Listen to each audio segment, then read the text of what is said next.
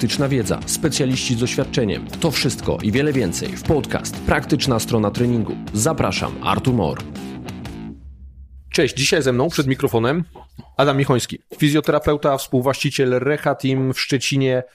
No, gość, który stara się propagować podejście pronaukowe w fizjoterapii, podejście, którego de facto nie ma, o tym trzeba powiedzieć. Hobbystycznie instruktor przeskórnej elektrolizy, ultrasonografii i asystent na szkoleniach z przezskórnej modulacji. Cześć Adamie. Witaj Arturze, dziękuję pięknie za zaproszenie. Adamie, ja tak się zawsze zastanawiam, jak to jest, że pracujemy w branży medycznej, która z zasady powinna być oparta o model evidence-based medicine, evidence-based practice, generalnie o dowody, a to trzeba w ogóle popularyzować i propagować taki model. O co chodzi? Nie, nie wiem, jak odpowiedzieć tobie na to pytanie. Z tego względu, no, tak jak mówisz, no jesteśmy zawodem medycznym i powinniśmy podążać za pewnymi standardami rehabilitacji, wyznacznikami, protokołami. No oczywiście te protokoły są, jednak fizjoterapia, tak myślę, że w dużej mierze po części skupia się również na modulowaniu dolegliwości bólowych pacjenta i te techniki modulacji dolegliwości bólowych pacjenta są wszelakie. Od okładów ciepłych, pomasowanie, wbijanie igieł i tak dalej. No i niestety poszliśmy, myślę, trochę w złym kierunku, ponieważ w głównej mierze bazujemy teraz na takich terapiach stricte biernych, gdzie pacjent jest poddawany zabiegom wykonywanym przez nas, a ta aktywna praca no dosyć mocno kuleje, a jeśli poprzegląda się rzeczywiście literaturę, to widać, że ta aktywna praca przynosi najwięcej korzyści dla pacjenta i też jest najmniej kosztochłonna, co generalnie ja zawsze wyznaję taką zasadę w rehabilitacji, żeby ona nie była ultra droga dla tego pacjenta i że pacjent potrafił w pewien sposób radzić sobie ze swoimi problemami na własną rękę. Czyli jak najmniej kosztów, a jak największa efektywność tego wszystkiego.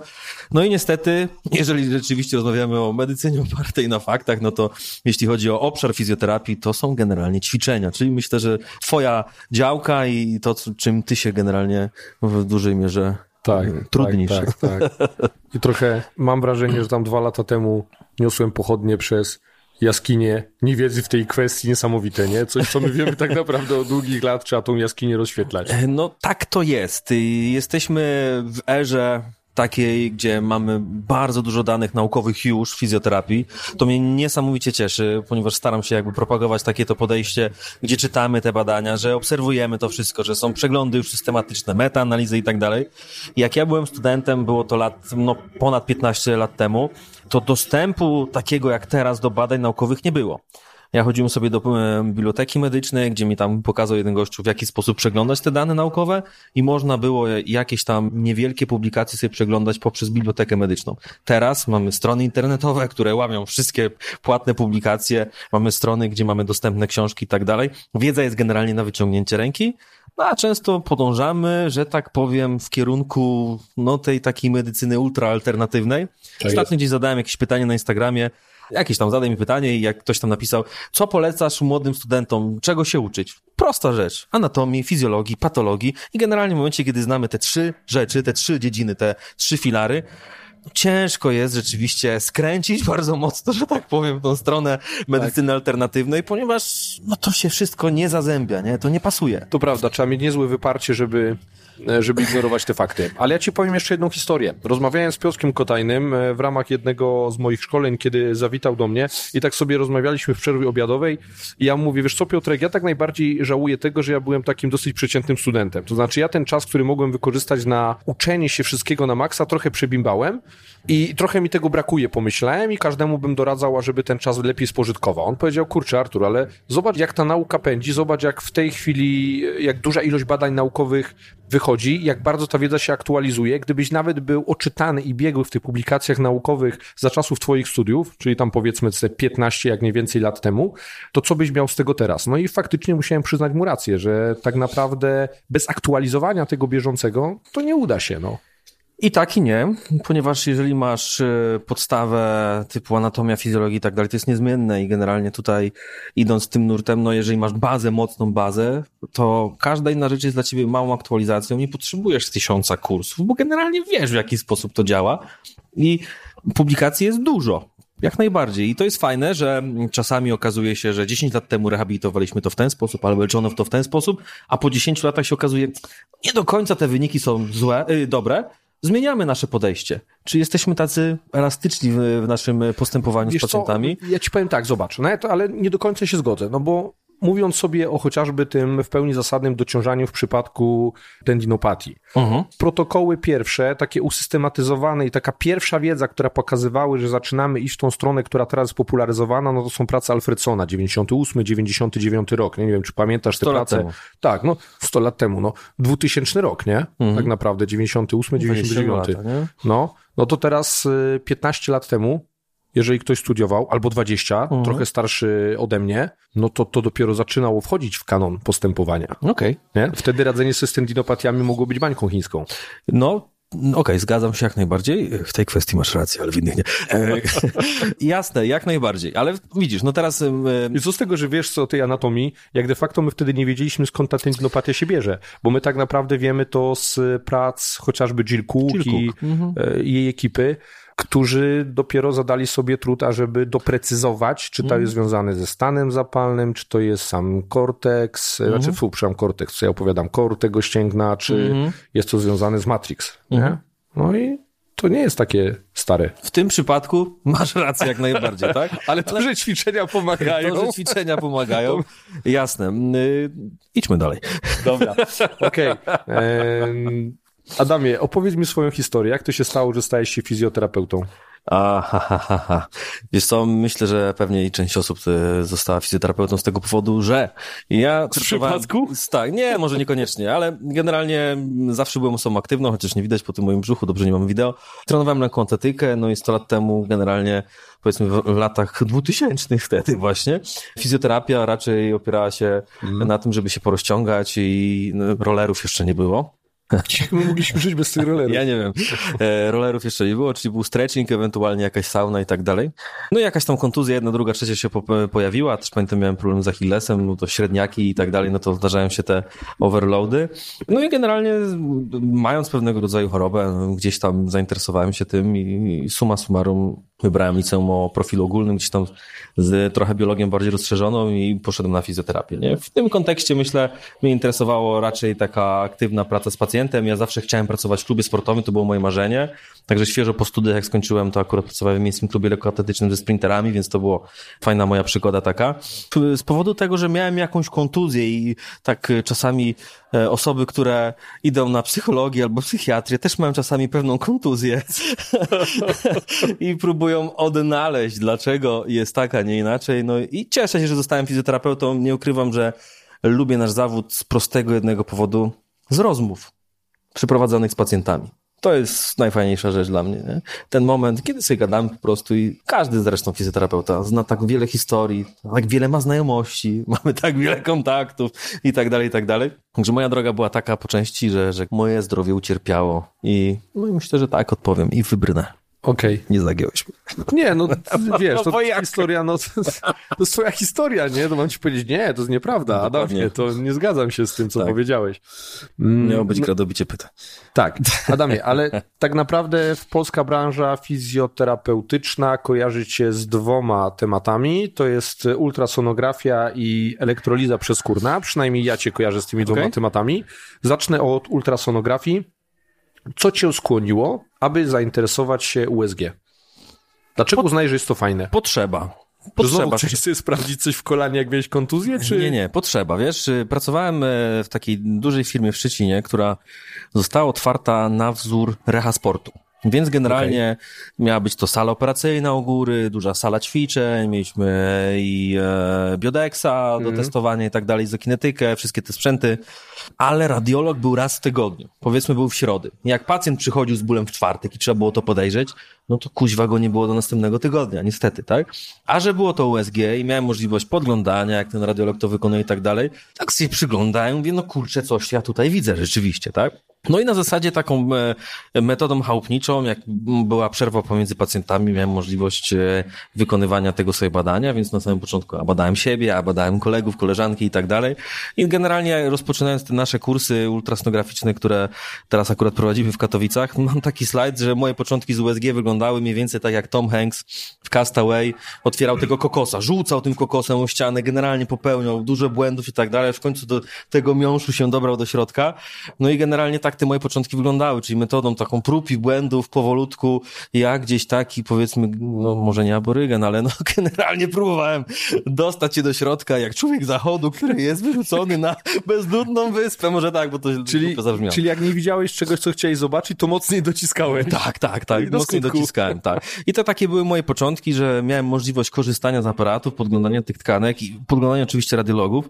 Zawsze mnie to interesowało i tak nie ukrywam, że staram się propagować takie mm, podejście fizjoterapeuty trochę jako takiego klinicysty, który przesiewa tego pacjenta, czy jest dla mnie, czy jest dla innego specjalisty po to, żeby ocenić, czy rzeczywiście tam coś Aha. poważnego wystąpiło. I to jest e, miód na moje uszy. Dlaczego? Bo ta diagnostyka różnicowa to jest cholernie ważna rzecz, a bardzo często zaniedbywana i ona nie tylko w obrębie aparatu ruchu powinna być obecna i nam znana, ale również e, w takiej podstawowej internie, czyli czasami po prostu musimy wiedzieć, że to w ogóle problem nie jest z aparatem ruchu, a nawet jeżeli jest, to może jest coś głębiej, czyli złamanie zmęczeniowe kości niekoniecznie jest e, problemem stricte pochodzenia ortopedycznego, tylko może być związane na przykład z chronicznym deficytem kalorycznym, triada sportsmenek, relative Mhm. energy deficiency in sport i tak dalej, nie? Czyli może być e, po zebraniu dobrego wywiadu rekomendacja, panie Kowalski, tu jest robota dla dietetyka, bo je pan tysiąc kalorii i biega maratony. To się nie zepnie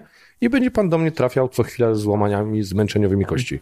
I tego się nas też nie uczy. Nie uczy się tego nas. No Ale trzeba mieć e, tą wiedzę. No i pytanie, jedni mają tą wiedzę i są lepsi, drudzy nie mają tej wiedzy i będą masować tą piątą kość rystopia i tyle, tak? Także no, no znowu wracamy do fizjologii, ponieważ kość potrzebuje kalorii, żeby się goić. No i tyle, także miałem rację. Miałeś rację. No dobra, okej, to mamy już ten motyw e, z tym USG. Dla przeciętnego fizjoterapeuty, zresztą myślę, nie tylko dla fizjoterapeuta, nawet e, nierzadko dla lekarza, to obraz USG wygląda jakby ktoś wylał żurek na monitor. Mhm. Nie? I teraz pytanie moje na podstawie tego zobrazowania. Jakie są możliwości ograniczenia tej metody? No ograniczeniem jest to, że tam naprawdę trzeba wiedzieć, czego szukamy i trochę sobie umieć to powyobrażać, bo to nie jest taki łatwy do zwizualizowania sobie obraz, na co my tak naprawdę patrzymy. To myślę jest największe ograniczenie takie stricte techniczne i praktyczne. Myślę, że przede wszystkim trzeba mieć dobrą wyobraźnię przestrzenną, znać anatomię funkcjonalną. Fizjoterapeuci znają bardzo dobrze anatomię funkcjonalną i jestem orędownikiem tego, żeby wykonywali to badanie, ponieważ jesteśmy uczeni anatomii czynnościowej i wiemy, kiedy tkanki się rozciągają, kiedy się napinają, znamy masę baterii testów funkcjonalnych i generalnie znamy aparat ruchu. No teraz fajnie by to było połączyć w taki sposób, żeby przyłożyć tą głowicę, ale są osoby, które nie będą sobie dobrze radziły ultrasonografii, po prostu nie da rady ich tego nauczyć, tak?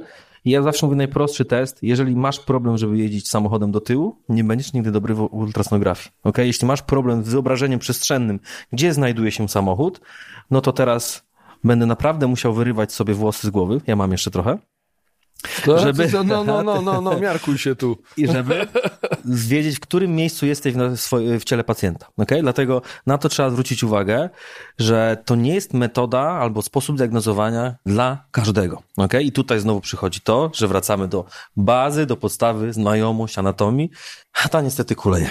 Okay? Ta nas niestety kuleje i rzeczywiście e, nie da rady nauczyć tego każdego, lub po prostu ta krzywa uczenia, bo to też jest dosyć istotne, w układzie mięśniowo-szkieletowym jest bardzo długa. Fizjoterapeuta, który zajmuje się narządem ruchu, ma długą krzywą uczenia, dużo dłuższą, aniżeli na przykład radiolog, który się tego uczy, ponieważ radiolog będzie wykonywał tylko stricte to. Fizjoterapeuta robi również inne rzeczy i często nie będzie wymagane przełożenie tej głowicy ultrasonograficznej, także ta długa się wydłuża zdecydowanie, a narząd ruchu jest na tyle specyficzny, że musimy wiedzieć, że na przykład w tym drobnym rowku tutaj przy kości łokciowej biegnie sobie prostownik łokciowy nadgarstka i on jest dopięty takim drobnym troczusiem, który to trzyma i muszę wiedzieć, że to jest w tym konkretnym miejscu. A jak przesunę głowicę gdziekolwiek indziej, to już nie będzie to miejsce. Jeśli nie trafię w to miejsce, nie jestem w stanie tego rozpoznać. Wątrobę obejrzysz sobie od przodu, od tyłu, od boku. Łatwiej ją zobaczyć. Dlatego obrazowanie ultrasonograficzne, mięśniowo-szkieletowe ma bardzo długą krzywą uczenia. To może być zniechęcające na samym początku. Ja nie ukrywam, że pierwsze takie, już tak pewnie czułem się po 4-5 latach dopiero tego wszystkiego. I to może być zniechęcające. Niestety. No dobra, ograniczenia, to- bo powiedziałeś o ograniczeniach, przepraszam. Tak. Jeszcze, ograniczenia są takie, że jest to badanie subiektywne. I teraz do uczymy się pewnego kanonu, uczymy się przykładania głowicy, znamy anatomię i tak dalej. I uczymy się w taki sposób, że jak będzie badał to ktoś na półkuli północnej, na południowej, jeśli ja wyślę tobie obraz, to ty powiesz, okej, ja widzę, że to ścięgno jest obrzęknięte, ja widzę, że to ścięgno jest zmienione. Ale do tego dochodzi się latami praktyki. Dobra, to kiedy taki początkujący adept, który próbuje wejść w świat ultrasonografii i zaczyna z tym eksperymentować i widzi, że nie do końca mu to idzie, a na początku ma prawo mu nie iść, to jesteśmy Mhm. obydwoje tego świadomi, kiedy jednak powinien sobie powiedzieć, kurde, nie, to ja to odpuszczam, bo jednak trochę brnę. Nigdy. Nigdy. No Nigdy, Okej, czyli do nigdy. skutku. Aż do skutku. Uczymy się, uczymy, uczymy, powtarzamy. No nie da rady nauczyć się układu mięśniowo-szkieletowego w jeden dzień. Ale wiesz, no może to jest ten gość, który nie potrafi jeździć na wstecznym. Może to być ten gość, No okej? No to trzeba wiedzieć, kiedy ze sceny zejść, tak? Okej. Tego ja zawsze się pytam, kto z was dobrze jeździ samochodem do tyłu? Podnoszę A reszta wyjść z sali. A reszta do widzenia. Zostaje jedna osoba. Tak, ale już płacone zaliczki nie oddajemy. Zafakturowane. Oczywiście żartuję. Dobra, no czy odpowiedzieliśmy sobie, czy USG jest dla każdego? No nie jest w takim razie dla każdego. Nie jest dla każdego i też trzeba mieć pewnego rodzaju ograniczenia, bo wiedzy na temat aparatów, no bo są aparaty lepsze, gorsze, droższe, tańsze. No właśnie, na co popatrzeć? Na co popatrzeć? No generalnie tak. W fizjoterapii staramy się już od 5-6 lat szukać aparatu, który by przekosił cały rynek i był jednocześnie tani. O. Nie da rady. No, czy nie, Nie w da rady. Polsce takie rzeczy się dzieją, nie? No, nie Dobrze da- i tanio. Dobrze i tanio, tak? Tip, tanie i pewne. No generalnie nie da rady takiego czegoś zrobić, ponieważ jakość obrazowania również jest związana z ceną, tak? No i są aparaty, które są aparatami za 500 tysięcy, bo czasami pracowałem na takich, na kursach e, w USG Trenerze w Warszawie i przesiadałem się na aparat za 30 tysięcy i widzisz taką e, 4K versus 240p. To są takie mniej więcej różnice.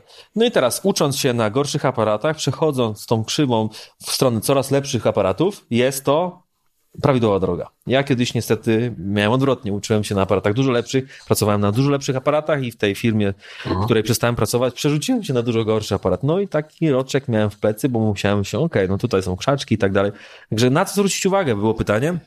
Bo tutaj oczywiście preludium takie długie, e, więc e, zwracamy uwagę na to, żeby głowica miała jak najwięcej kryształu. Kryształ piezoelektryczny to jest miejsce w naszej głowicy, które wysyła ultradźwięk w nasze tkanki. I jego zadaniem jest puścić się ultradźwięk i jednocześnie przyjąć z powrotem ultradźwięk na ten kryształ piezoelektryczny. Im więcej takich kryształów mamy, wyobraźmy sobie taki mm, kwadrat prostokąt, im, tym więcej takich paseczków pionowych widzimy w naszym aparacie. I wyobraźmy sobie, że mamy aparat, który ma 128 paseczków, czyli 128 kryształów, weźmy sobie aparat, który ma 256 kryształów, czyli mamy dwa razy większą gęstość obrazu. A weźmy sobie aparat, który ja mam teraz, mam 960 kryształów, czyli mam 960 takich kryształków, które dają mi dużo większą gęstość tego obrazu i dzięki temu jakość obrazowania jest przyjemniejsza, fajnie się na tym pracuje, a jednocześnie możemy wyciągnąć bardziej rzetelne wnioski z Jak obrazu. ty tego który widzimy. troczka zobaczysz, to jest po prostu ekstaza, może tak troczka zobaczyć. Także to są mniej więcej takie rzeczy, na które warto zwrócić uwagę, tak? Czyli kryształy, zakresy częstotliwości głowicy, ponieważ Mhm. głowice mają pewnego rodzaju częstotliwości. Im wyższa częstotliwość, tym fala staje się krótsza i lepiej penetruje tkanki bardziej powierzchowne. Okej, dobra. E, czyli głowica jest królem. No i cały software, nie? Czyli całe No. bebechy, no, ultrasonografy to są komputery, które mają i karty graficzne, i bebechy, to jak normalny. I kopią kryptowaluty. Dokładnie, to, to można, muszę popróbować, no rzeczywiście. Można tak E, powiedzieć. Wiesz, do czego zmierza? Moje kolejne pytanie to, na ile jest sens bawić się w te aparaty, które de facto są samą głowicą, którą podpinasz na przykład do tableta, nie? No bo jeżeli powiedziałeś, że ta głowica daje nam jakość tego obrazu, no software przetwarza, tak? No ale obecna moc obliczeniowa przeciętnego, a tym bardziej dobrego tabletu, Mhm. czy telefonu komórkowego, no jest duża. Jest bardzo duża, jest znacznie większa, podejrzewam, aniżeli USG, które było tam 5 lat do tyłu, tak? Nie wiem, jak te procesory są montowane, może doprecyzujesz to, e, ale to są sprzęty, które mają moc obliczeniową i myślę, że te, do takiego typu obrazu powinny wystarczyć. Nie. Ach, Z tego względu, aby się udało. Jeżeli popatrzymy sobie na kabel, który jest wpinany, No. to jest bardzo cienki kabelek USB typu C. No. I on nie jest w stanie przesłać tak dużo informacji. Pomimo tego, że twój software ma możliwości obliczeniowe, on nie jest w stanie przyjąć tak dużo informacji. Dlatego kabel w obrazie, w aparacie ultrasonograficznym takim z wyższej półki, to jest wielka kaseta z setkami, może nie setkami, ale dziesiątkami pinów, z których wychodzą kabelki i idą grubą wiązką. I przez to idzie dużo więcej informacji. Dlatego nie da rady zrobić na tą chwilę to musiały być jakieś przesyły światłowodowe być może, tak? Coś podpinanego, coś takiego, żeby dużo informacji w krótkim czasie było w stanie trafić do aparatu USG. Dlatego te wszystkie aparaty, które są podłączane, głowice i tak dalej, one są dobre, jeśli chodzi o początek przygody z ultrasonografią, żeby ocenić, jak to wygląda, mniej więcej, gdzie to leży i tak dalej. Proste rzeczy idzie ocenić, ale to nie jest jakość obrazowania taką, jaką chcemy. Ja to zawsze nazywam taką latareczką, tak? Masz taką latareczkę przy bryloczku. Idziesz sobie przez park, spadnie ci tam portfel i tak dalej, poświecisz sobie, znajdziesz. Ale to nie jest taka sama latarka, jakbyś miał dużą latarkę, taką patrolówę i chciał poszukać rzeczywiście tych pięciu złotych, co ci wypadło z aparatu, ok? Jedno Okay. i drugie ma pewnego rodzaju funkcje, ale przyjemność z oglądania tego wszystkiego jest zupełnie inna. Okej, dobra, przekonałeś mnie. To ile powinien kosztować aparat? Albo może jeszcze doprecyzujmy to pytanie. Z jakim wydatkiem powinien się liczyć fizjoterapeuta, który chciałby wzbogacić swoją praktykę o diagnostykę ultrasonograficzną, no i chciałby mieć na aparat, który mu trochę posłuży. Nie, nie taki do bawienia się i przykładania, Nie latareczkę, tak, tylko chciałby sobie na tym popracować i wiedzieć, że może coś dzięki temu znaleźć. cztery dychy. Cztery dychy. Myślę, że to jest taka cena, która na tą chwilę, na, na 2022, ten nasz marzec, gdzie te ceny niestety wzrosły 1 stycznia o 15% i będzie co roku tylko drożej. No generalnie trzeba się liczyć z wydatkiem około 40 tysięcy złotych. Oczywiście nie mówię, że tańszy aparat sobie nie poradzi, ale znowu, jest to tak jak jeździmy samochodami, tak? Samochodem od punktu A do punktu B dojdziesz każdym. Ale fajnie się jeździ jakimś Porszakiem, aniżeli generalnie Fiatem Punto w kasie. No i teraz ten za 40 koła to co, Volkswagen? Może. Może. Dobra, okej, bardziej obrazowości nie dało. Poza ultrasonografią kojarzony jesteś w naszej branży z elektrolizą przeskórną. Może. Tak. Co to jest? W trzech zdaniach. E, Jest to zabieg fizykoterapii mikroinwazyjnej. Czyli ma na celu za pomocą USG wizualizujemy sobie strukturę naszego ścięgna, podleczyć to nasze ścięgno, powiedzmy biologicznie, w bardzo dużym uproszczeniu, u pacjenta, który ma tendinopatię. Czyli problem jest powyżej trzech miesięcy, to jest takie kryterium, które gdzieś tam jest wskazaniem do wykonania elektrolizy. No i generalnie metoda pochodzi z Hiszpanii. Została wymyślona dla... Oni w ogóle tam lubią przekuwanie skóry, tak, co? lubią bardzo przekuwanie skóry. Oni tam rzeczy. igłoterapię Tak, suche to tak, tak, taka tak. mekka, nie? Czy no u nas też zrobiło się to bardzo popularne, m, suche igłowanie. Jest to od, od paru lat duży boom i duży rozkwit tego wszystkiego, a to łączy i igłę, i USG, i prąd, no i jednocześnie ma na celu, jakby powiedzieć to w skrócie, no, najprościej e, rzecz ujmując, w ścięgnie generalnie nie ma stanu zapalnego, okay? czyli pacjenta boli, a stanu zapalnego nie ma. No i często A jak jest pacjenci... diagnozowany stan zapalny w ścięgnie?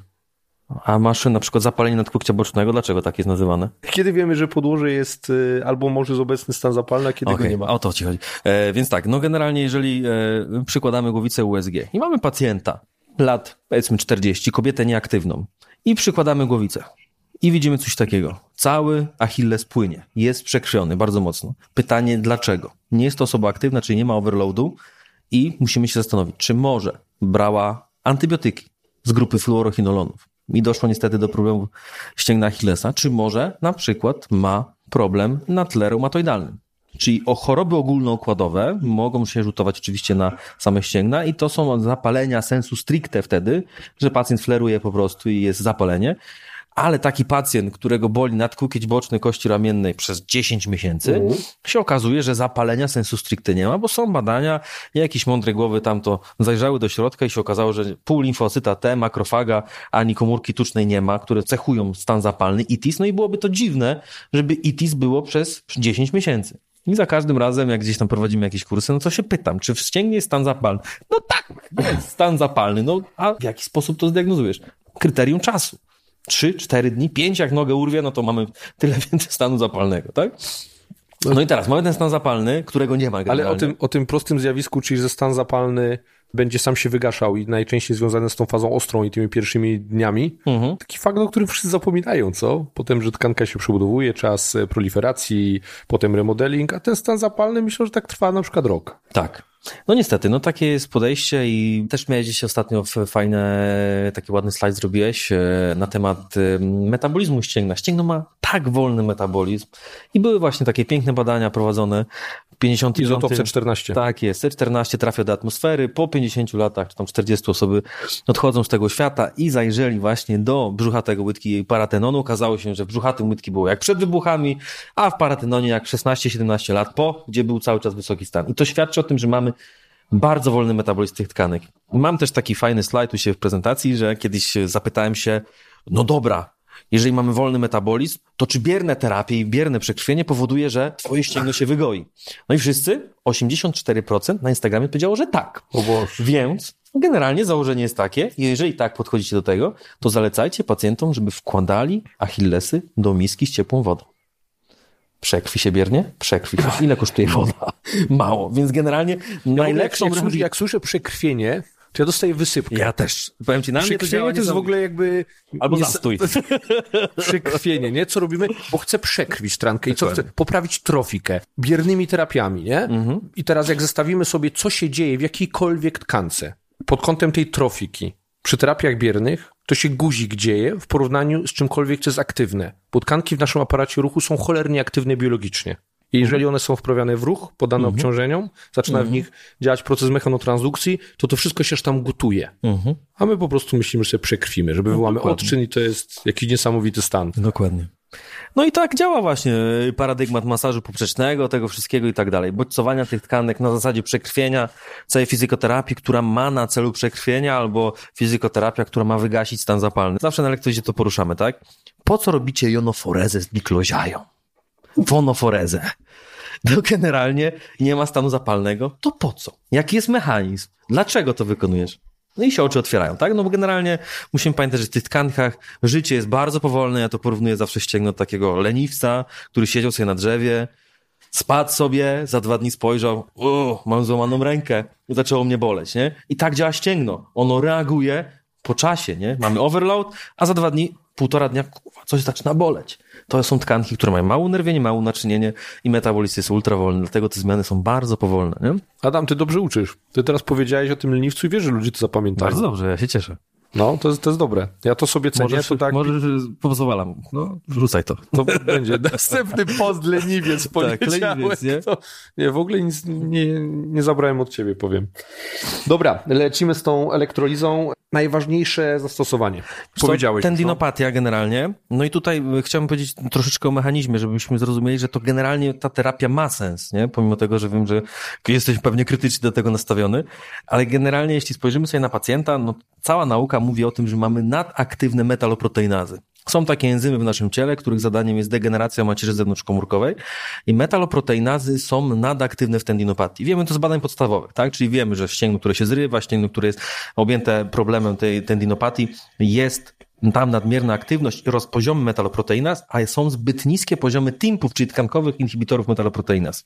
No i teraz, jeżeli wiemy, że pewnego rodzaju choroby typu hipercholesterolemia, która powoduje, że w naszym ciele niestety mamy podwyższony poziom aktywności metaloproteinaz lub między innymi na przykład podwyższony poziom interleukiny pierwszej, szóstej, dziesiątej, które pochodzą z na przykład tłuszczu, powodują znowu w naszym ciele triggerowanie zbyt dużej aktywności metaloproteinaz. I mamy pacjenta, wyobraźmy sobie gościa, który codziennie sobie muci dyszkę i tak dalej, pojawia się problem w jego achillesie. Jest zaburzenie pomiędzy regeneracją i degeneracją, ponieważ jest zbyt duże obciążenie. No i co my możemy zrobić? Na chłopski rozum chcielibyśmy trochę uciąć aktywność, czyli zmodyfikować aktywność, nie uciąć całkowicie. Ale elektroliza jest na tyle ciekawym zabiegiem, że jest w stanie podwyższyć lokalnie ścięgnie enzymy, których zadaniem jest zmniejszenie aktywności metaloproteinaz. I po zabiegu wytwarzają się białka, których zadaniem jest lokalnie zmniejszyć poziom metaloproteinaz. Zabieg powtarza się przez 4-6 tygodni mniej więcej, żeby pacjenta wysycić proliferatorami peroksysomów gamma, takie cudowne białko. Adam, I ich zadaniem od jest leniwca. od leniwca po naukę. Ich zadaniem jest obniżyć poziom metaloproteinaz lokalnie. I są badania, które są zrobione w modelu zwierzęcym, pokazujące, że dzięki temu mogą się te metaloproteinazy stać mniej aktywne. I to nie jest tak, że cudownie pacjent jest wyleczony, bo pacjent, który jest pacjentem zdrowym i ma przeciążone ścięgno, to ma rację, by tu zadziałać. Ale pacjent, który niestety jest ogólnoukładowo chory, wysoki cholesterol, na wysoki cholesterol przyjmuje się statyny. Statyny powodują również nadekspresję metaloproteinaz. No i widzisz, trochę zacząłeś zmierzać do odpowiedzi na pytanie, które nie zadałem, czyli na ile te efekty elektrolizy przeskórnej, o których teraz mówisz, te biochemiczne, e, są efektami trwałymi u osoby, która rdzennie problem ma chociażby z nadmierną produkcją interleukin prozapalnych, pochodzących chociażby z tkanki tłuszczowej albo w jakiś sposób katalizowanych przez obecność tkanki tłuszczowej. No i Dokładnie. trochę mamy, wiesz, nie, kleimy plasterka na złamanie, nie, potem. No dokładnie. I teraz wyniki leczenia będą gorsze. Nie mówię, że to będzie pacjent 100% wyleczony, nie? Ale to jest metoda, która może w pewien sposób zbodźcować ten rejon, ale dalej, jeżeli pacjent ma wysoki poziom interleukin, który pochodzi z tłuszczu, zalecenie odwieźć dietetyka. Zmień coś w swoim życiu. Jeśli pacjent ma problem rozciągna podeszwowego w wyniku wysokiego BMI, stania powyżej 8 godzin, Oczywiście pracuje w Amazonie, nie możemy mu powiedzieć nie chodź do roboty, ale możesz odwiedzić dietetyka, możesz przestać pić trzy piwa wieczorem, zjeść trochę więcej zielonego, obniżyć sobie między innymi poziom kwasu moczowego, który też jest korelacja pomiędzy problemami ścięgnistymi i dzięki temu być może w tym oknie czasowym nastąpią zmiany. Jeśli nie, możemy modulować dolegliwości bólowe pacjenta. I na przykład nie wiem, sądzę, że głupim zastosowaniem jest fala uderzeniowa tylko i wyłącznie sensu stricte, żeby modulować dolegliwości bólowe pacjenta. I tyle. Okay? Na tej zasadzie. Czyli niestety problemy ogólnokładowe są dużym problemem w leczeniu tendinopatii. Do tego trzeba podejść multidyscyplinarnie, czyli dietetyk. To nie jest głupie, generalnie, tak? Masz chore ścięgna, odwiedź dietetyka. Ale nie kolano skoczka, jesteś aktywną osobą, jesteś sportowcem, tylko masz łokieć tenisisty, golfisty i tak dalej. Jedno, drugie, trzecie leci. Dziwne, śmierdzi. I zazwyczaj wysyłam pacjenta wtedy na podstawowe badania, tak? Cholesterol, poziom kwasu moczowego, coś tam się jeszcze temu pacjentowi zleca. Mamy ogólnoświatowy problem z największą umieralnością z powodu incydentów sercowo-naczyniowych, których podłożem jest otyłość. Mhm. Wiemy, jak temu zapobiegać, wiemy, jak sobie z tym radzić, a mimo wszystko ludzie cały czas najczęściej umierają z tego powodu. E, Więc ja myślę, że posiadanie dietetyka w zespole swoim jest jak najbardziej zasadne i wypadałoby się z takim zaprzyjaźnić, że jeszcze takiego nie mamy, to na pewno się przyda. Bo generalnie ludzie, jak lepiej odżywimy, odchudzimy, to są zdrowsi, szczęśliwsi. Jeszcze jak się wyśpią, to nagle przestaje ich boleć. Dokładnie. I nie trzeba okładać ich kamieniami. Dobra. E. To mi się samo zawsze tak wymsknie, nie? To nie do zapanowania. Ale próbuję, staram się, nie? Ale cieszę się, że poznałem ciebie, bo tobie też widzę tak średnio wychodzi powstrzymywanie się, gryzienie się w język. Ale Zobacz, jak mi krew leci. Adam, krew ci leci z ust. Jakie są przeciwwskazania? Przeciwwskazania, no to przede wszystkim mm, pacjent, który na przykład był leczony kortykosteroidem. To jest temat rzeka generalnie. Jest przy wszystkim, jak są kortykosteroidy. To. Kortykosteroid jest, z, Zawsze przeciwwskazanie. jest sterydem katabolicznym. Nie mówimy o tym leniwcu, no to wyobraź sobie, że temu leniwcowi nie dałeś kokainy, tylko dałeś mu trawę, jest spalony i generalnie jeszcze jest bardziej zwolniony. Dlatego przez takie trzy miesiące, więcej po podaniu ostatniego kortykosteroidu w okolicy ścięgna, nie wykonujemy tego, bo generalnie tam żaden proces nie ma prawa zajść w tym momencie. Tak?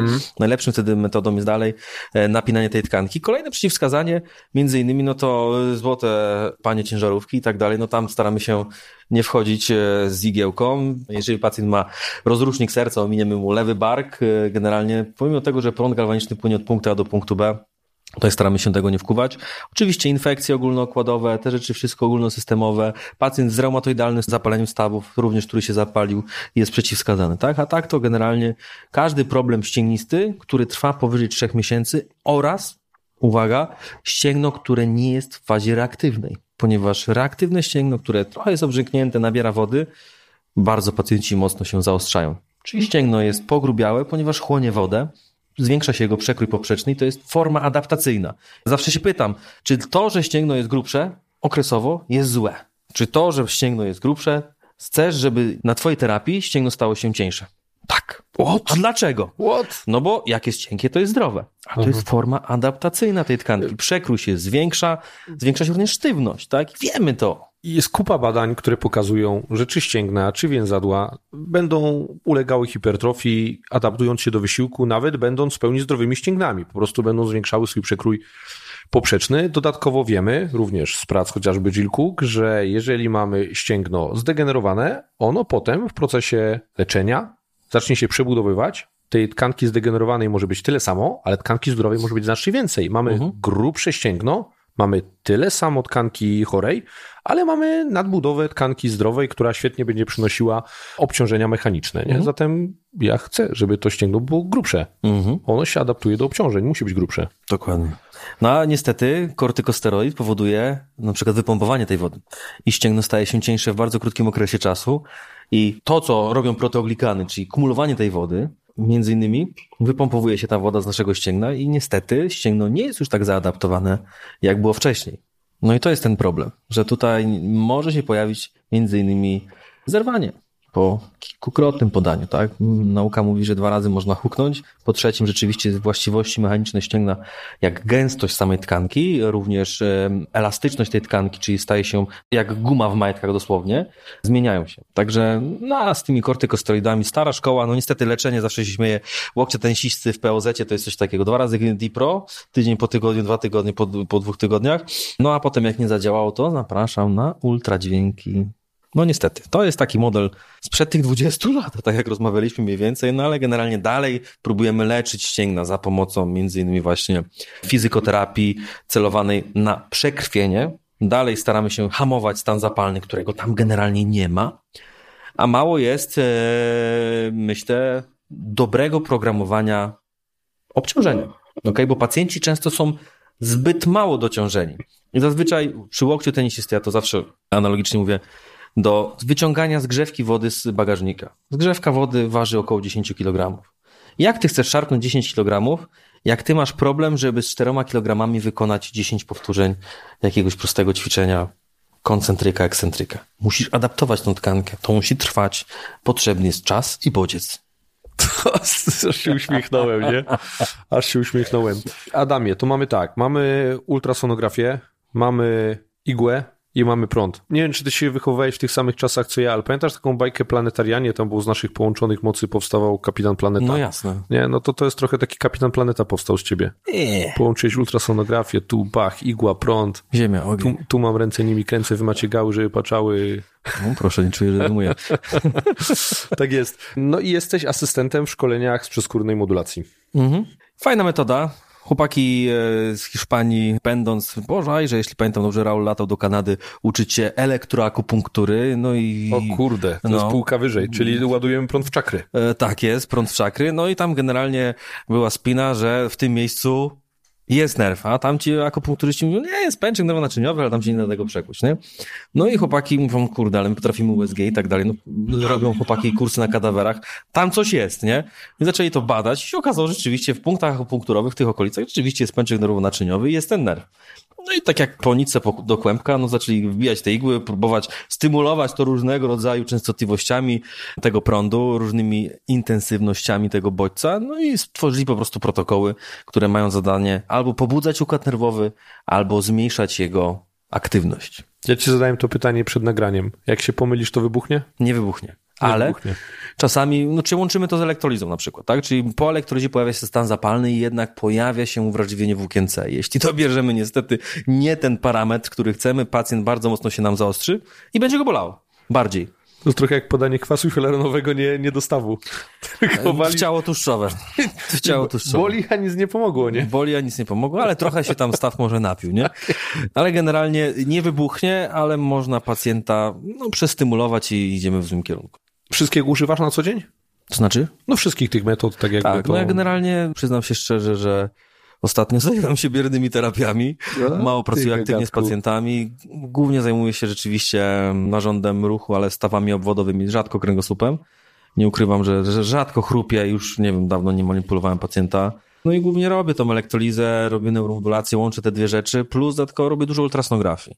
No i tutaj z tą ultrasonografią jest tak, że po prostu robię diagnostykę i wysyłam do kolegi, koleżanki, którzy pracują, okay. współpracują ze mną, żeby dalej ciągnęli tego pacjenta, nie? Bo uważam, że jednak fizjoterapeuta, który pracuje z układem mięśniowo-szkieletowym, fajnie, żeby widział, z czym pracuje. Czy tam jest dziura, czy tam jest wapnienie, czy tam jest małe naderwanie. Ile przypadkowych znajdziek znajdujesz? Czego? Przypadkowych znajdziek. Dużo. Bardzo dużo. Wykonując badanie USG po 40 roku życia, znajdziesz naderwany nadgrzebieniowy, pogrubiały staw barkowo-czykowy. I teraz czekaj, moje takie pytanie ważne. Jeżeli wiesz, że są jakieś dolegliwości i nie wiążesz ich bezpośrednio z tą znajdźką, mówisz pacjentowi czy nie? Opisuję to, Aha. ale na przykład piszę, że to jest nieme klinicznie. Okej, okay, dobra. To właśnie... W mojej ocenie, to jest dalej moja ocena, Aha. tak? Ale potrafię zbadać pacjenta, wiem, kiedy rozciąga się podłopatkowy, wiem, jak go naprężyć i wiem, jakie objawy i symptomy, bo tak unerwiony jest ten pacjent, może ten mój pacjent mieć. Jeśli pacjent czuje szczypanie pieczenie na szczycie barku, no to nie pomyślę sobie o uszkodzonych stożku rotatorów, tylko będę kombinował, czy przypadkowo nie ma tam jakiejś neuropatii, nie? I będzie Dobra, wiesz, bo ja z tymi badaniami, zresztą nie tylko ja mam taki problem, tylko mamy problem taki w ogóle w świetle dowodów naukowych, że ludzie są trochę tym stygmatyzowani, czyli jeżeli w opisie, który z natury radiologii robi go obiektywny i po prostu opisuje to, co widzi, wypisuje litanie rzeczy, wypisuje jakieś tam różne znajdźki, to ludzie się na to uwarunkowują i bardzo często chcą się tego pozbyć, bo dla nich ta zmiana, ta patologia jest czymś, co nie pozwala im normalnie funkcjonować. Oni myślą, że to będzie ich zawsze bolało albo te dolegliwości będą, dopóki to nie zniknie. No i to powoduje, że oni są skorzy na przykład poddać się różnego rodzaju zabiegom ortopedycznym, gdzie jest to w pełni bezzasadne w takim przypadku. No i to stanowi realny problem klinicznie dla mnie. Ja mam z tym duży problem i czasami jak ktoś ma wpływ, czyli ty robisz takie badanie USG, no warto podkreślić, że jest to niemy klinicznie, tak jak to nazwałeś. Ja jeszcze posłużę się taką metaforą, albo takim może zobrazowaniem trochę tego problemu. Jakby nie mamy problemu, że skóra nam się starzeje, akceptujemy to, tak, no bo widzimy, nie jesteśmy już tacy młodzi, twarz się zmienia, ale to, że nam aparat ruchu tam od środka się starzeje, to już trudno nam zaakceptować, że te tkanki wyglądają inaczej. Taka przypowiastka. Tak. jest takie fajne badanie pokazujące rezonans magnetyczny 70-latka, który jest triatlonistą. Kojarzysz? Takie czwórki Tak, piękne tak, i tak, tak, dalej. tak, tak. Mało tłuszczyku i osoby, która jest nieaktywna, tak? No i jedyną Tłuszczyk rzeczą, która rzeczywiście jest w stanie za- zatrzymać, że tak powiem, nas tą witalność, no to jest rzeczywiście aktywność, e, dobre odżywianie i tak dalej. Także to, co wcześniej sobie mówiliśmy na temat tego, że rzeczywiście mamy problem, bardzo wielki problem generalnie, że nasze dzieciaki są i otyłe, mamy dużo tych e, incydentów krążeniowych, Sercowo-naczyniowych. tak? sercowo-naczyniowych, no to jest generalnie bardzo duży problem. Ale mm, powiedziałeś coś takiego, że pacjent jest operowany, chociaż nie powinien być operowany. I tutaj decyzję tą podejmuje lekarz, że rżnie powiedzmy krążek międzykręgowy, który generalnie nie daje objawu, bo nie jest to na przykład ten segment. Ile było takich kręgosłupów szyi, gdzie nie ten level był zoperowany, pacjent tak czy siak się poprawił. I są badania pokazujące, że im bardziej zaawansowana procedura medyczna, tym większe oczekiwania pacjenta wobec tego, że ból zniknie. I fajnym przykładem jest proteza. Boli trochę bioderko, pobolewa ileś lat, w końcu pacjent dojrzewa do tego zabiegu, ma wymione biodro i czuje się jak nowonarodzony. Ale zerżnięcie biodra komuś, kto ma jakiś tam faj, powiedzmy, i wstawienie mu protezy, no przecież będzie katastrofalne, tak?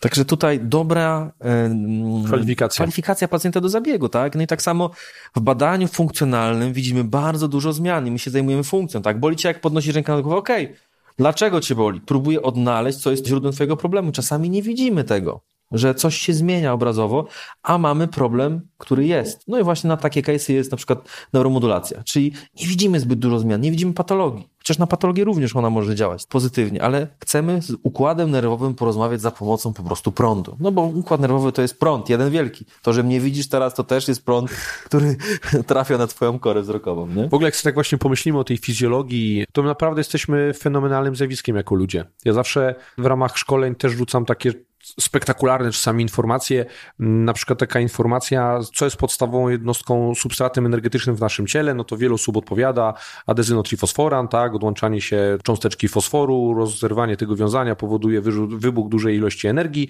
Wszyscy wszystko to wiedzą, ale zadaję pytanie, ile tych jednostek ATP my produkujemy e, dziennie, nie? I nagle wszyscy już teraz wtedy jest cisza. Mówię im tak, żeby zobrazowo to bardziej przedstawić, to może w jakiejś wartości jak kilogramy sobie odpowiemy, nie? Kilogramy ATP w kilogramach, przecież że kilograma to ja czasami jedzenia nie zjem i tym podobne są teksty, a okazuje się, że my potrafimy wyprodukować w kilogramach tyle tego ATP, co ważymy. Kurde, to ja mogę dużo. Także e, to są takie pewne zobrazowania. Adamie, ty w ogóle jesteś związany z Polskim Towarzystwem Ultrasonograficznym.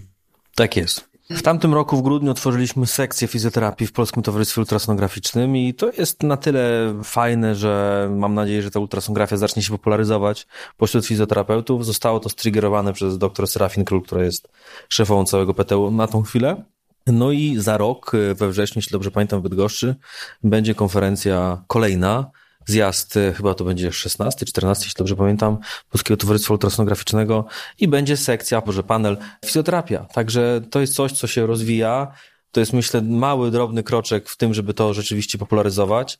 I mam nadzieję, że, że ten fizjoterapeuta, tak jak 10 lat temu gdzieś tam się e, próbowałem z tym aparatem gdzieś tam oswoić i tak dalej, moja szefowa, która była lekarzem specjalizacji rehabilitacji, mówimy, o sobie nie wyobrażam, żeby fizjoterapeuta robił USG i tak dalej. No, po 10 czy tam 15 latach uczę tego, jestem osobą, która w, w zarządzie siedzi tej sekcji. No, generalnie idzie wszystko ku temu, żeby rozszerzać może nie kompetencje, bo to, to, to jest znowu zapis prawny, który upoważnia nas do pewnych rzeczy, ale raczej umiejętności, no to będzie lepiej chyba brzmiało, do tego, żeby jednak używać tą ultrasonografię. Pomyślmy sobie, co było 10 lat temu, jak wygląda rehabilitacja, jak wygląda teraz. Zrobiliśmy ogromny. No to te 10 ostatnich lat to jest po prostu skok taki niesamowity, jeśli chodzi o, może nie cywilizacyjny, tak, ale naukowy i fizjoterapia bardzo mocno się rozwinęła i biorąc pod uwagę nawet uroginekologię, mhm. która się rozwinęła w niesamowity sposób w Polsce, no i ogólnie chyba myślę, że na świecie. Fizjoterapia jest kobietą zresztą, 70 parę procent kobiet. Oh my God. tak, tak, no, tak jest, tak jest, no nas jest, jesteśmy w mniejszości. No. Okay. Także myślę, że ta ultrasonografia będzie się rozwijała i biorąc pod uwagę również program nowy, specjalizację, jeśli dobrze pamiętam, z rehabilitacji, z fizjoterapii, z rehabilitacji, mm -hmm. tak, rehabilitacji. Tak, tak. Tam jest w programie również ultrasonografia, także tutaj idziemy w tym kierunku, żeby rozszerzać umiejętności, może nie kompetencje, żeby to nie było tak e, nazwane. Adamie, bardzo treściwie było. Powiedziałbym wybitnie. Syto. Tak, syto. Jesteś gadułą, bardzo się cieszę. Trochę mnie odciążyłeś. Spotykamy się o bardzo późnej, późnej porze. Myślałem, że będzie mi ciężko, ale mi robotę bardzo ułatwiłeś. Cieszę się, że pojawiłeś się w Katowicach i mieliśmy możliwość nagrać ten podcast. Będziesz jeszcze miał fajny wykład, na który zachęcam e, a, widzisz, nie na wydarzenie. A, Obiecałeś. Przepraszam. Będziesz? Tak, tak, tak, tak, tak. Tak, będę miał. Będzie miał bardzo fajny wykład y, Adam w ramach wydarzenia Science and Practice. E, więcej o tym wydarzeniu już niebawem, ale jeżeli ta rozmowa z Adamem Wam się spodobała, to jestem przekonany, że będziecie nie tylko zadowoleni, ale zachwyceni z tego, co zaprezentuję na wykładzie. O Jezus. Ale Ci posłodziłem. No, posłodziłeś mi tak po prostu. Adamie, tak czy inaczej, dobrze Cię było poznać, dobrze było pogadać i mam nadzieję do usłyszenia niebawem. Cześć, hej!